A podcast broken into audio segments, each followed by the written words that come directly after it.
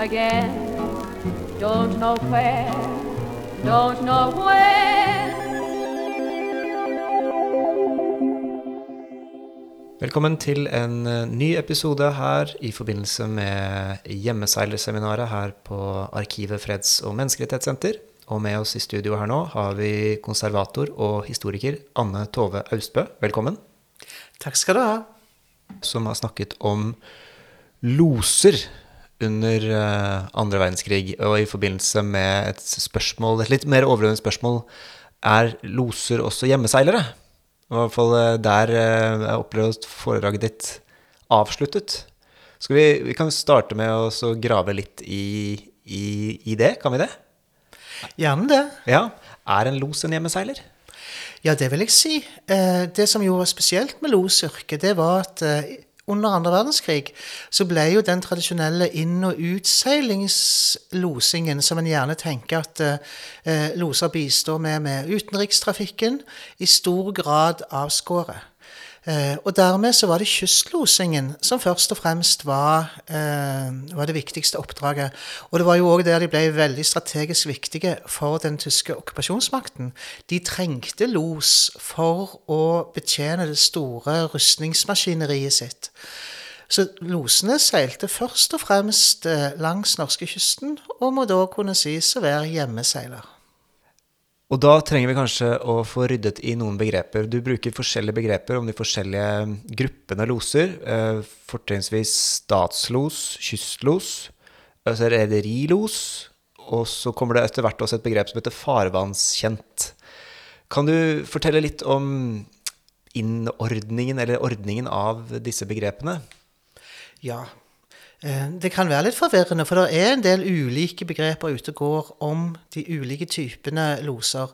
Men en kan jo eh, si at eh, i utgangspunktet så har jo alle loser den samme oppgaven. De skal hjelpe kapteinen eh, med å manøvrere trygt gjennom et farvann.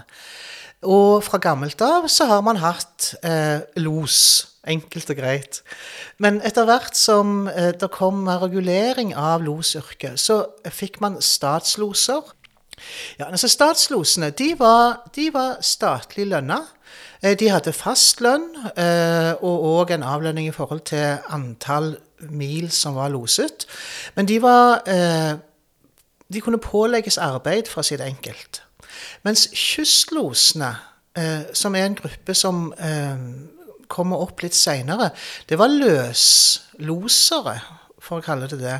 De drev med løslosing i den forstand at de var private næringsdrivende. De kunne sjøl avtale eh, hvordan losing skulle foregå, til hvilken pris osv. Eh, også de ble etter hvert eh, mer og mer regulert i forhold til at man måtte få et sertifikat der det var visse kvalifikasjoner for alder og erfaring og kompetanse. Men de var ikke ansatt av noen, og dermed heller ikke pliktig til å jobbe for noen. Forandrer det seg under, eh, under okkupasjonen? Ja, på den måte at eh, i, i det sekund at Norge blir eh, okkupert, så blir eh, losene strategisk veldig viktige for eh, tyske okkupasjonsmyndighetene. De trenger losene for å opprettholde eh, kysttrafikken generelt. Både den sivile, selvfølgelig, som det norske samfunnet trengte, men ikke minst den, eh, den militære eh, trafikken og konvoiene, eh, fraktebehovene. Og det gjorde at eh, eh, den type forbehold som kystloser eventuelt måtte ta i forhold til å ville frasi seg oppdrag, det var uaktuelt. Man ble trua med straff. Folk ble henta av Gestapo. eh, og etter hvert så kom det rene lovpålegg om at eh, alle forsøk på å frasi seg losoppdrag ble regna som sabotasje. Men Betyr det at uh, kystlos og statslos da blir litt på sett og vis én gruppe? Ja, i den forstand at veldig mange av statslosene egentlig mista arbeidsoppgavene sine som de hadde før, med å være innseilingsloser, som man gjerne kaller det. Altså de som førte skipstrafikk inn og ut av norsk, eh, norske farvann. Men en del av de gikk inn i kystlosingen.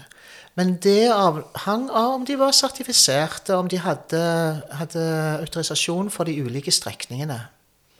Og så kommer det Det er et begrep som du brukte som er rederilos. Det er kanskje ikke så aktuelt for denne perioden, eller? Jo, eh, rederilosene de var kystloser, men som var blitt hyra av rederiene. Så de fungerte som faste loser på de ulike ruteselskapene.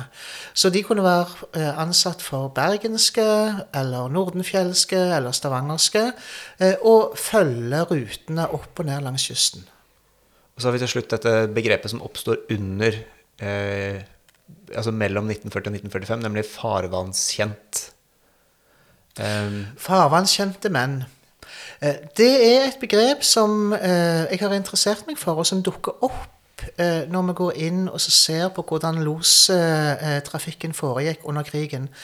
Og Det er en kategori som har vært lite omtalt og utforska, og jeg vil tro at det vil være mulig å finne ut enda mer om de. Men så langt så er det i hvert fall veldig klart at dette var et sånn situasjonsbestemt krisetiltak, nærmest. Eh, det ble stor mangel på los i krigsårene av ulike årsaker. Og eh, dermed så måtte eh, norske losmyndigheter, for å kalle det det, de måtte sette inn tiltak for å svare på okkupasjonsmyndighetenes krav om at eh, skipstrafikken skulle avvikles. Og det de da gjorde, var at på ulik vis så tok man eh, eh, folk som hadde farvannskjennskap, men som ikke nødvendigvis var sertifisert til å lose, og brukte de. Så det kunne være lokale fiskerskippere, f.eks., som kjente et farvann veldig godt. Det kunne være folk med styrmannsbakgrunn eller annen, eh, annen kjennskap til, til, kystfart, som ble satt til å, å, å lose skip. Og hvis jeg forsto det riktig, så er det både i den uh, offentlige granskningen av uh, uh, samarbeid med fienden, og så vel som i en sånn intern losjustis, så var det disse farvannskjente mennene som ble mest uglesett. Stemmer det? Altså, losene opplevde en ganske mye kritikk eh, av eh, virksomheten under krigen i media umiddelbart etter frigjøringen i 1945.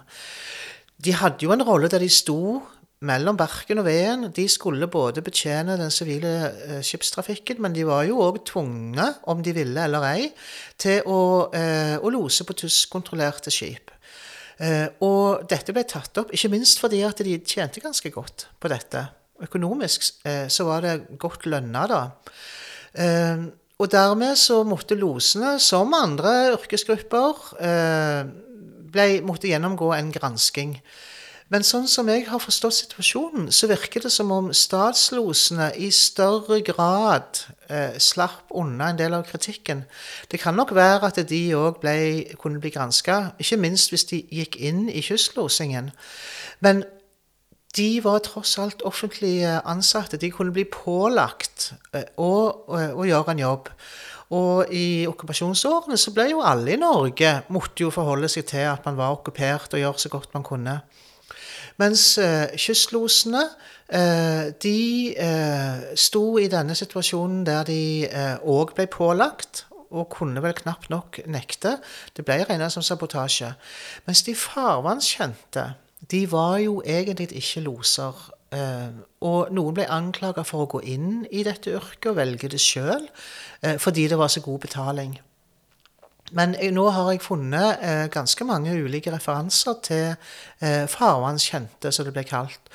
Og mange av de var nok folk som ble trua eller satt til å lose uten at de sjøl hadde særlig stor påvirkning eh, på denne situasjonen. Men jeg har òg funnet eksempler på, eh, på folk som, som, valgte dette yrket fordi at eh, det ikke var så veldig mange andre valg, og de trengte en jobb. Eh, og i krigssituasjonen så var det ikke så stort og fritt valg. Og noen gikk inn da som loser.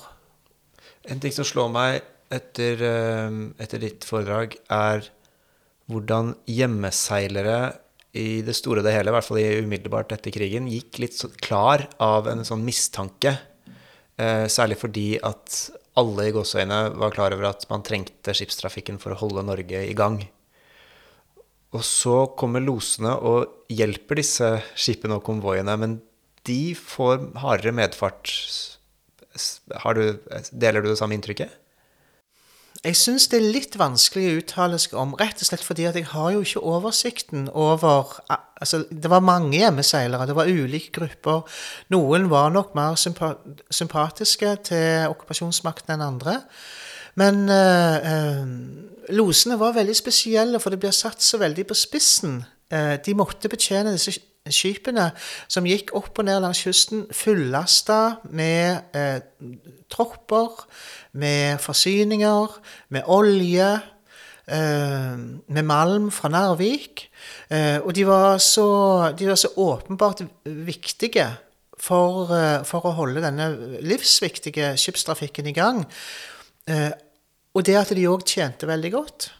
Nok bedre enn det den ordinære hjemmeseiler gjorde, som jo ikke hadde spesielt god lønn, gjorde at det var nok veldig lett å peke på de som gruppe. Men eh, losene ble jo ganske tidlig sett seg ut som en viktig gruppe også av tyskerne. Altså de lagde lister over pålitelige og upålitelige loser allerede før okkupasjonen. Ja.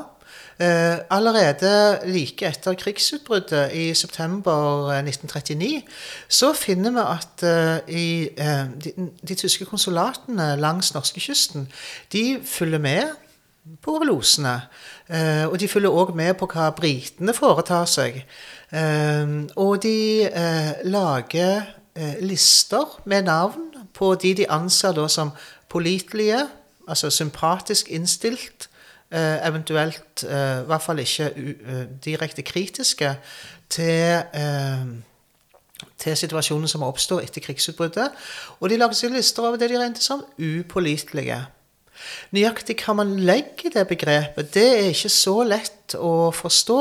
Men eh, en ser jo i hvert fall funksjonen slike lister eh, kan ha. Det at man, eh, man, velger noen fordi man tenker at de vil gjøre en god jobb. Men etter hvert så blir losmangelen så stor at man da kanskje må godta en hvilken som helst holdning? Ja, det vil jeg tro. Um, det er mange vitneberetninger om hvordan eh, folk i ulike situasjoner blir pressa til losing. Eh, noen blir nærmest eh, henta fra skipsbrua når de driver og opparbeider seg erfaring og håper på å få seg en, eh, en loslærlingplass. Og det blir klart at man har kunnskap om strekninger og lei. Og blir bare satt til det, rett og slett. Jeg har en annen ting som, som slo meg under ditt foredrag, som jeg lurer på om du har noe mer innsikt i. og det er når altså, Deler av kysten ble jo mørklagt. Veldig mye av tungtransporten ble foretatt om natten. Uh, I tillegg så var jo da deler av kysten minelagt. Um, særlig fra det som da Altså denne mørkleggingen blant annet gjør jo losarbeidet ganske mye vanskeligere. Ja, og det må ha vært veldig spesielt det der. Fordi altså det å altså Losyrket hviler jo på en veldig spesiell kompetanse. Uh, man lærer seg uh, lange strekk uh, utenat, nærmest. Kjenne igjen ulike sektorer på fyrlykter, vite om sjømerker og hele merkesystemet langs kysten. Kunne lese silhuettene på, på kysten. Eh, og kunne til enhver tid vite hvor man eh, befinner seg. Og med en gang dette blir rokka ved, altså at noe uh, de, altså de, store fyrene ble jo slukka, eller sterkt eh, innsnevra, og mange av de små fyrlyktene òg. og dermed så er jo grunnlaget for å kunne gjøre den jobben som man er trent til over mange år, og som, som man har eh, eh, repetert og øvd eh, for å ha kontroll på, det blir jo veldig mye vanskeligere.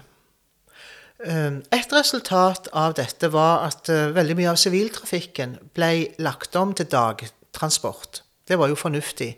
Fordi da, eh, Sånn som rutetrafikken, eksempel, som kunne gå både natt og dag, den gikk nå på dagtid. Og det gjorde at da var det jo lettere å manøvrere. Eh, en var ikke så avhengig av, eh, av dette merkesystemet.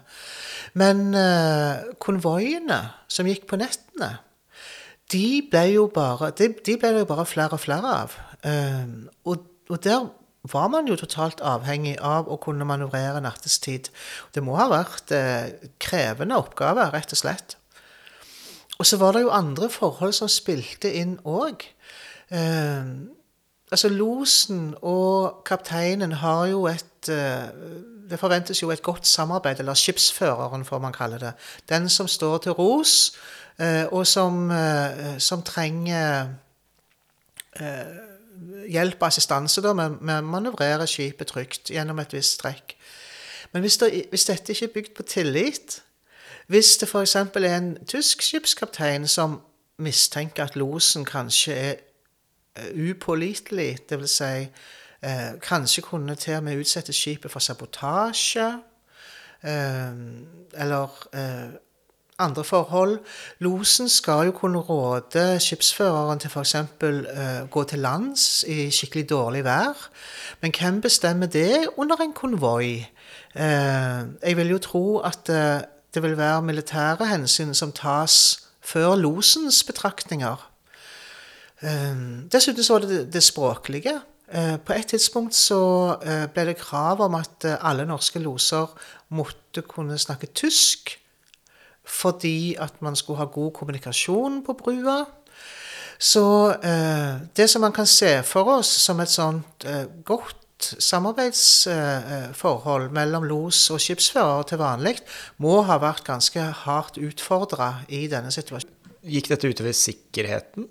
Jeg tenker, Du har da tøffere forhold, og så har du etter hvert da kortere tid på eh, autoriseringen så for f.eks. farvannskjente menn. Det høres for meg ut som det er en som, litt sånn tilspissa situasjon.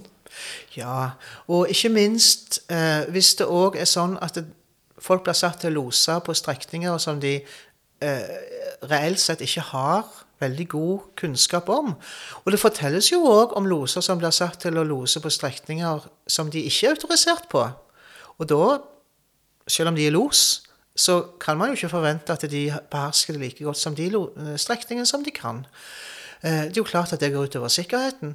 Eh, og det må jo gå utover tilliten på brua. Og det dukker òg opp i ulike saker, ser vi. Saker der det har foregått en eller annen Altså det har vært en ulykke.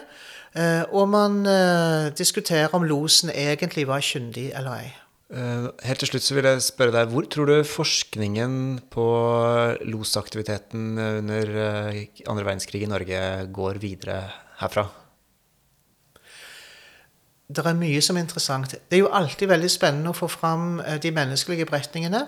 Så det er så få flere fortellinger. Og noen loser finnes kanskje fortsatt, men det er jo nå litt seint å begynne å hente inn eh, førstehåndsberetninger. Eh, men kanskje er det mulig. Eh, men så er det òg eh, litt mer sånn i overordna betydning. Eh, de farvannskjente generelt burde vi finne ut mer om, rett og slett. Fordi det er et veldig underkommunisert og spennende kapittel, egentlig. Eh, deres betydning og, og omfanget av virksomheten deres. Men så tenker jeg òg forholdet mellom loser og Skipsfartsdirektoratet, altså det tyskkontrollerte norske myndighetene, som satt og skulle eh, følge opp krav fra okkupasjonsmyndighetene på ene sida, ivareta sikkerhet for losene, og samtidig prøve å svare da, på kravet om å sørge for både trygg losing og ikke minst tilstrekkelig med loser. Og det det kan nok være at en del av de som ble regna som eh, eh, kriseloser eller farvannskjente menn, og som ble pressa ut i den rollen, kanskje opplevde at de ble på en måte latt i stikken i, etter krigen, eh, da en del av de mista autorisasjonene sine etter granskingene. Eh, så det er veldig mange interessante skjebner, eh, og det er veldig Det går fra individnivå og helt til topp opp gjennom LOS-etaten og opp til, eh, til styresmaktene. Så jeg tror der kan det være veldig mange interessante temaer å, å gå videre med. Spennende. Eh, tusen takk for at du ville bidra her, eh, Anne Tolle Østbø. Takk for meg. Don't know where, don't know where. Det var det vi eh, hadde for i dag.